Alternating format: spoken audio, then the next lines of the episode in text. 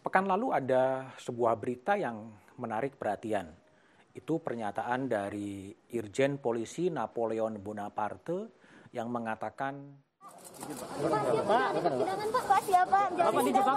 Ada waktunya, ada, ada tanggal mainnya.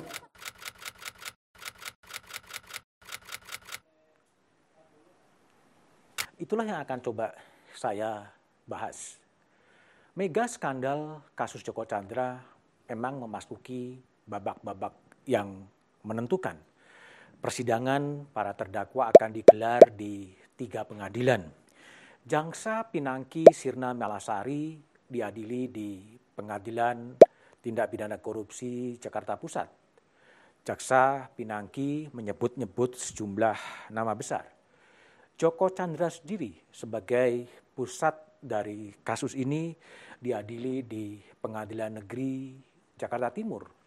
Sementara bekas Kepala Divisi Hubungan Internasional Mabes Polri Irjen Polisi Napoleon Bonaparte dan Brigadir Jenderal Prastio Utomo akan diadili di Pengadilan Negeri Jakarta Selatan.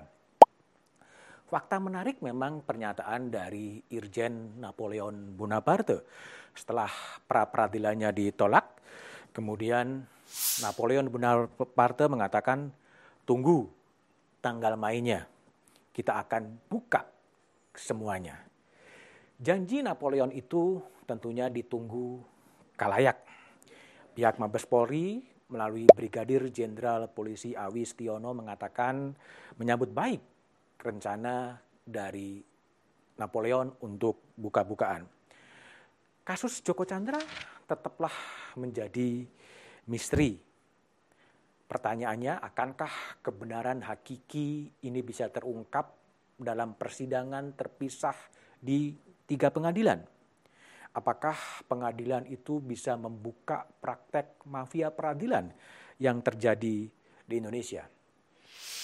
Pulang pergi Joko Chandra keluar masuk Indonesia sungguh mempermalukan wajah penegakan hukum Indonesia.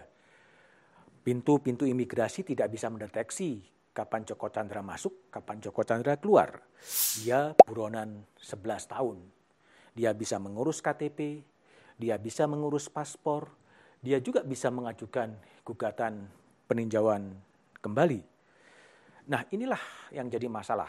Tentunya apakah pengadilan bisa mengungkap jaringan hukum dan jaringan politik dari kasus Joko Chandra?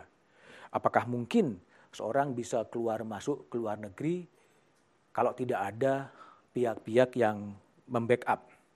Beruntung sebetulnya Kapolri Idam Aziz atas instruksi Presiden Jokowi kemudian memerintahkan Kabar Eskrim untuk menjemput Joko Chandra pada 30 Juli Joko Chandra pun kemudian segera ditahan dan segera menghadapi persidangan.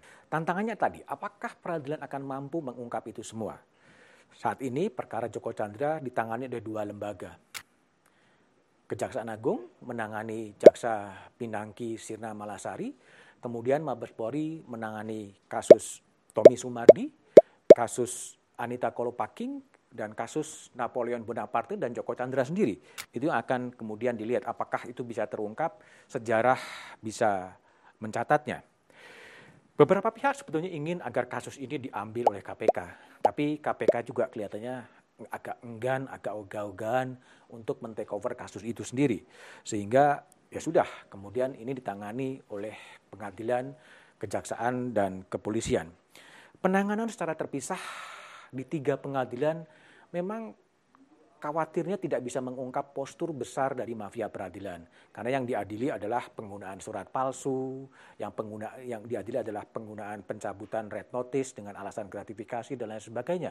Sementara postur mafia peradilan oleh seorang Joko Chandra itu bisa melibatkan banyak tokoh.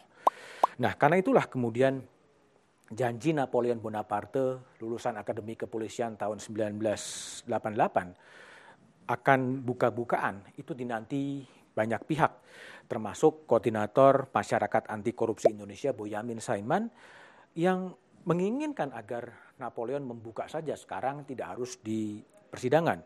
Menurut Boyamin pasti Napoleon punya keterlibatan, punya data soal keterlibatan pihak-pihak lain, termasuk dalam institusi kepolisian.